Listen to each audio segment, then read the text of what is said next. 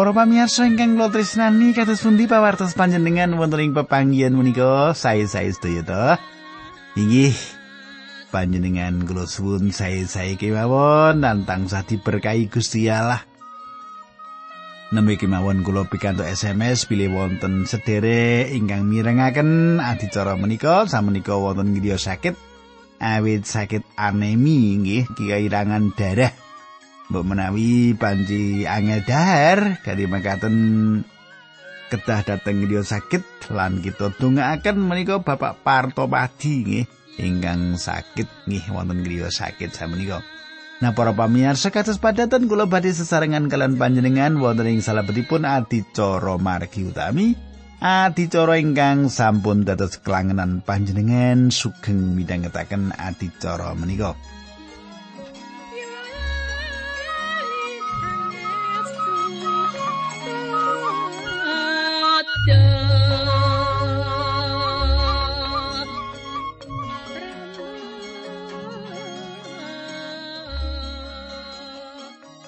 Para pamirsa ingkang kula tresnani, menapa panjenengan tasih kemutan menapa ingkang kula aturaken duk pepanggihan kepengker menika? Ing pepanggihan kita kepengker kita sampun nyemak kados pundi Gusti Allah tansah netepi menapa ingkang sampun kaprastiaken dumateng Abraham. Lajeng kita lajengaken ing dinten menika nanging saderengipun menika kita tumungkul supados dipun tuntun dening Gusti Allah. Monggo kita tumungkul kita ndedonga. Dugane Rama ingkang ada wonten kraton ing kasuwargan kawula ngaturaken gunging panuwun menawi wekdal menika kawula saged tetunggilan malih kalian sedherek-sedherek kawula ingkang setya tuhu midhangetaken nanti cara menika. Kawula nyuwun berkah paduka wonten ing pepanggihan menika kanthi kawula ngegilut dawuh pangandikan paduka saking kitab babat. Dinambaran asmanipun Gusti Yesus Kristus kawula ndedonga haleluya amin.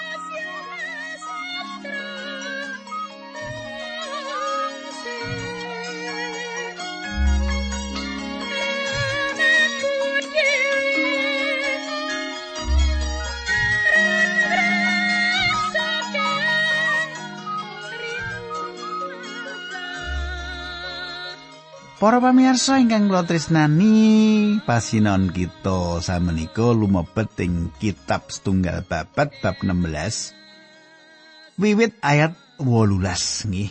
Kula badhe waos ayat 18 ngantos kali likur. Panjenengan semak ganti permati. Kowe bakal ndak paringi tanah minangka warisan mengkono dawuh Allah. Umat Allah ana ing kono dadi wong manca turut cacahe mung setitik. Padha nglembara ing tanah kono lan tanah kene saka bangsa siji menyang sijine. Allah ora nikahake bangsane disiosyo mergo saka umat raja-raja dielekake.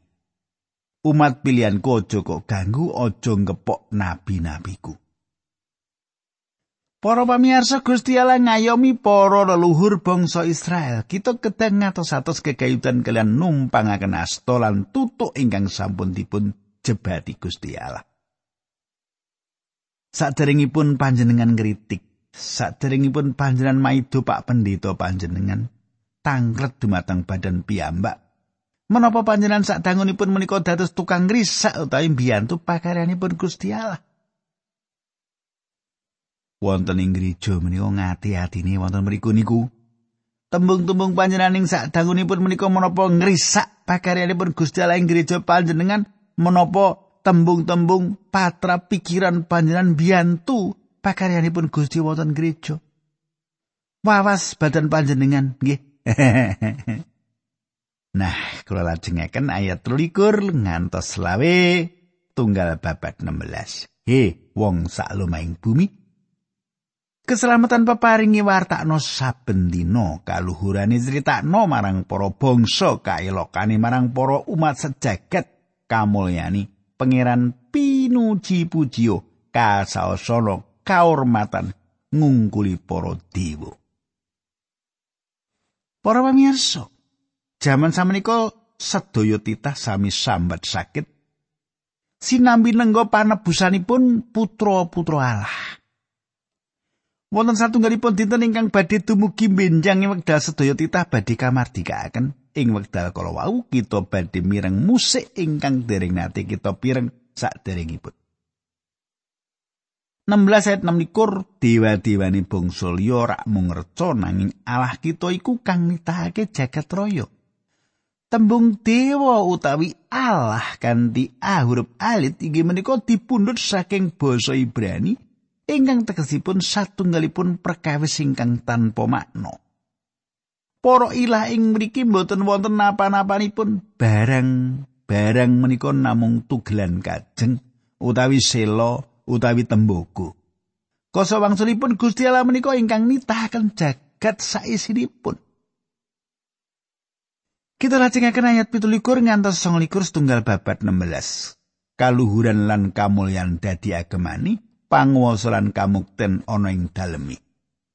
He sakai umat, pangeran pujinen, pinujio kamulyan lan panguasani. Pujinen asmani, kang mulya saosna kurbaning pedalamani. Atimu sucekno kagem panjenengani, semongso sujud nyembah ing ngarsani. Para pamirsa, menawi kita sederhanaken boten ateges bilih kita kedah manembah Gusti Allah ing salebetipun gereja ingkang indah. Nanging menawi tegesipun kita manembah Gusti Allah wonten ing salebetipun kaindahan lan kasucian, inggih sawetahipun panjenenganipun menika ing salebeting pribadi panjenenganipun. Kathah-kathah ing antawisipun kita mboten mangertos menapa to liripun manembah Gusti Allah menika. sing penting mlebu gereja. Ngrungokke nek pas khotbah ngantuk. Kula nate khotbah wonten satunggalipun gereja. Wei lah kok separo wargane kok ngiler. nah, kula lajengaken tigang dosa ngantos tigang dosa setunggal. He, bumi saisine kabeh. Podho getro ing ngarsane Allah, jagat wis disentosake temah ora wah kincir. e langit lan bumi padha surak-surak kelawan bunga padha wartana marang bangsa-bangsa yen Allah iku raja dinten menika badhe dumugi. Dinten ingkang kados mekaten menika badhe dumugi. Samenika ayat 3 dosa kali ngantos 3 dosa 3 he segoro padha gemuruh lan kabeh sing urip ana ing jeromu he ora-ora lan kabeh sing tuwa ing kono tansah padha bunga-bungao. Wit-witan ing alas bakal padha surak-surak. Ing ngarsane pangeran bakal padha suka-suka. Semongso pangeran rawuh ngadili jagat panjenengan katasaken wiwitan badhe surak-surak wekdal menika badhe dados wekdal ingkang indah ingkang dumados menika badhe dados pepujian kunjuk Gusti Allah ayat 3 sekawan saus syukur marang pangeran awit sih katresnane tanpa wangenan. Para pamirsa Gusti Allah mboten nate kekirangan ing salebetipun paring sih kawelasan. Sih kawelasan inggih menika ingkang kula betahaken panjenenganipun kagungan sih kadarman sih kawelasan menika luber-luber. Kenging menapa panjenengan mboten sowan dumateng panjenenganipun samenika? Panjenenganipun kagungan menapa ingkang panjenengan betahaken. ayat tigang dosa gangsal ngantos tigang dosa songo patang puluh wae. Nggih. Telung puluh lima nganti patang puluh. Rada dawa ora apa-apa. Nggih kula waosaken nyebut doh Allah panjenengan menika juru wilujeng kawula kersa ngentes kawula lan nglempakaken kawula malih kersa ngluwari kawula doh Allah saking blenggunipun bangsa-bangsa ingkang sami jajah tema asma paduka ingkang suci badhe kawula puji namung dateng paduka piyambak kawula badhe saos panuwun. Pujinen pangeran Allah Israel samengkolan selawas-lawase sawise asap lan wong-wong lewi rampung nggoning nglagokake nyanyian mau. Umat Israel kabeh banjur ngucap amin sarta padha ngluhurake asmane pangeran. Raja Daud tuli ndawi asap lan wong-wong lewi liyane supaya saterusé padha ngurusi perkara-perkara sing magepuan karo pangibadah ing kemah panggonane sing kanggo nyimpen peti perjanjian Allah saben dina kudu padha nglakoni pegaweane ana ing kono. Direwangi dening obat Edom bin Yedutun lan wong swidak liyane nunggal gotra. Obat Edom lan Husa dadi pengawali lawang-lawangi gapura. nanging Imam Sadok lan imam-imam liyane didawi ngurus pangibadah sing ana ing Gibeon. Saben esuk lan sore wong-wong mau kudu padha nyaosake kurban obungan ing mesbeh miturut pernatan-pernatan sing kaparingake dening pengiran marang umat Israel. Para pamirsa, para imam menika njagi margi ingkang tetep tinarbuka dumateng Gusti Allah. Cetha ing jaman Sang Prabu Saul pisungsung kurban obaran manembah Gusti Allah mboten katindakaken terus. Dawud ing mriki ngatur malih Padi perjanjian wonten ing Yerusalem lan Daud netepaken sinten ingkang badhe gadah kewajiban ing ngajengipun peti perjanjian Allah ing saben wekdal. Ayat kawan setunggal Imam Sadok lan imam-imam mau direwangi dening Heman lan Yedutun sarta wong-wong liyane sing dipilih khusus kanggo nglakokake nyanyian kitung kunjuk marang pengiran mergo sih kadarmane langgeng ing selawasi. Inggih menika jalaranipun kenging menapa kita kedah ngaturaken gunging panuwun dumateng Gusti Allah mergo sih kadarmane langgeng ing selawasi. Ayat kawan dosa kalih ngantos kawan dosa tiga. Heman lan Yedutun uga kedawan ngurus slompret, kentrong lan alat musik liya-liyane kanggo barengi kekidungan sing dilakokake. Wong-wong liyane sing tunggal kutrah karo Yedutun kedawan jogo lawang-lawangi gapura.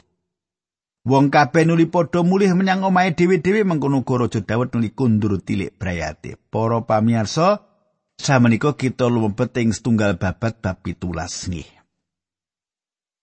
Ayat setunggal kalih kula waosaken bareng wis manggon ing kedaton Raja Dawud ing sawijining dina nimbali Nabi Nathan dingendikani mengkene aku iki manggon ing kedaton sing digawe saka kayu cemara Libanon mongko perti perjanjian pangeran mung disalehake ana ing kemah Nabi Nathan mangsuli Sumangga Sang Prabu kula aturi nindakaken menapa ingkang kagalih prayogi mergi Allah badhe mitulungi.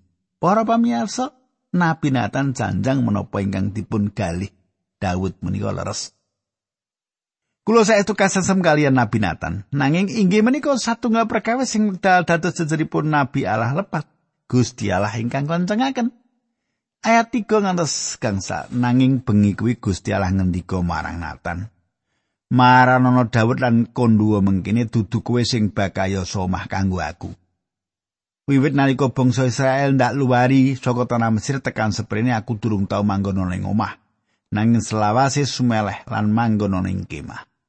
Para pamirsa, Gusti Allah tansah nepangaken sariranipun dumateng umat kagunganipun ingkang dados jalaran king menapa panjenenganipun ngagem wujud manungsa kados dene kita. Ayat 6 Sajroning lemboro mau durung tau aku ndangu marang para pemimpin sing ndak angkat apa sebabe aku ora digawekake omah saka kayu cemara Libanon. Para pamirsa samenika ing medal umat Israel mlebet ing tanah perjanjian lan bangun griya-griya ingkang permanen, mboten wonten pedalaman Allah ingkang dipun bangun permanen. Nanging pepinginan bangun pedalaman Allah menika tubuh saking telenging manah Daud. Ayat pitu lan wolu Mulane Nathan kondua karo Daud yen aku pangeran sing maha kuwasa ngendika mangkene kowe wis ndak jupuk saka pegaweanmu angon wedhus sing ora samun lan ndak dadekke rajane umatku Israel. Kowe wis ndak tulungi menyang endi wae paranmu lan semangsa kowe perang saking mungsuhmu wis ndak tumpes. Saiki kowe bakal ndak dadekke wong sing misuwur kaya pemimpin-pemimpin sing gedhe dhewe ana ing bumi kini. Para pamirsa Gusti Allah ngendika dumateng Nabi Nathan supados nglantaraken dawuhipun dumateng Daud. Gusti Allah ndadosaken Daud menika ageng kados dene tokoh jagat. Daud dados satunggal tokoh ageng ing salebetipun sejarah. Samenika ayat songo setunggal babat pitulas. Ingsun bakal nemtokake panggonan kanggo umat ingsun Israel bakal sun tanem supaya bisa manggon ing papane dhewe lan ora dieget-egeti sarta ditindes dening para wong ngambek siolan kaya dek biyen. Para pamirsa Gusti Allah ngendika pilih wekdalipun badhe dumugi ing wekdal panjenenganipun badhe mapanaken Israel ing tanah menika lan ing wekdal menika tiang Israel badhe gesang ing salebetipun katentreman. Tiang Israel badhe mertobat dumateng Gusti Allah Yehova ing dinten menika. Tiang Israel samenika tasih tebih saking wekdal ingkang dipun antos-antos menika. wonten bentenipun pemangge ing Israel jaman samenika gegayutan menapa tiang Israel badhe nganut pemahaman ortodoks utawi boten. Samenika ayat 10 ngantos kali welas. Wiwit ingsun ngangkat para hakim kanggo umat ingsun Israel, ingsun bakal nelokake saking mungsuh hiro. Ingsun uga paring sumurup marang siro. Pangeran Yehuwa bakal bangun kerajaan kang turun temurun. Besok semangsa kowe tinggal donya lan dikubur ing kubure leluhurmu, anakmu salah siji bakal ndak dadekke raja. Kuwi sing bakal yoso omah kanggo aku lan keratone bakal ndak sentosake selawase. Para pamirsa, panjenengan semak pilih perjanjian ageng ingkang dipun damel Gusti Allah kalian Daud badhe dipun ganepi ing salebetipun Gusti Yesus Kristus. Ayat 13 ngantos 16, aku bakal dadi ramani lan wong mau dadi anakku janjiku iki ora bakal ndak jabel kaya sing kedadian karo Saul. Saul ndak lengser saka kalungguhane supaya kowe bisa dadi raja. Bab yoso pedalemanku lan bangun keratonku bakal sak teruse ndak pasrahke marang anakmu sing ndak pilih. Dambare keraton bakal dilunggui dening anak putumu turun temurun. Para pamirsa inggih menika ingkang dipun rancang Gusti Allah. Gusti Allah badhe mbangun satunggal kerajaan ing bumi menika lan Gusti Yesus Kristus badhe rawuh kangge mbangun kerajaan menika.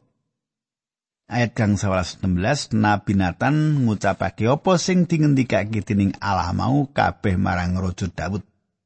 Daud banjur mlebu ing kemah palenggahane Allah lungguh lan ndedonga mengkini. Doalah kawula lan brayat kawula mboten pantes nampi berkah ingkang paduka luperaken. Para pamirsa, panjenengan gatosaken menapa ingkang dipun tindakaken Daud. Piyambakipun mboten saged mangertosi kasainan. Si rahmat lan si kadarmanipun Gusti Allah, Gusti Allah kita mboten kekirangan kadarman. Gitu.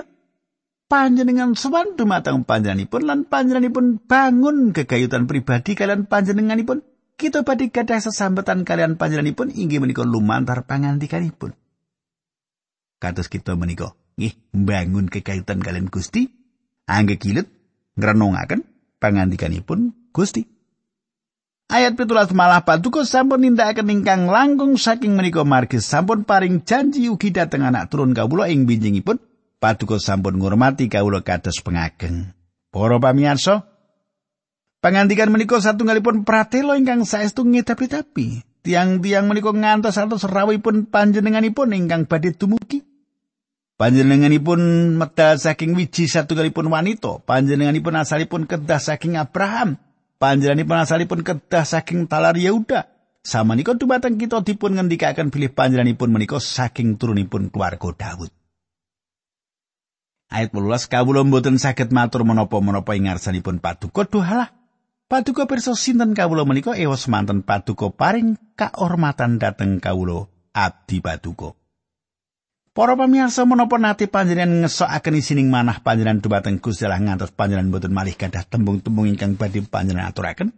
Inggih menika kahanan ingkang dipun lampahi Daud piyambakipun ngesokaken isan-isaning manah ngantos telas blas.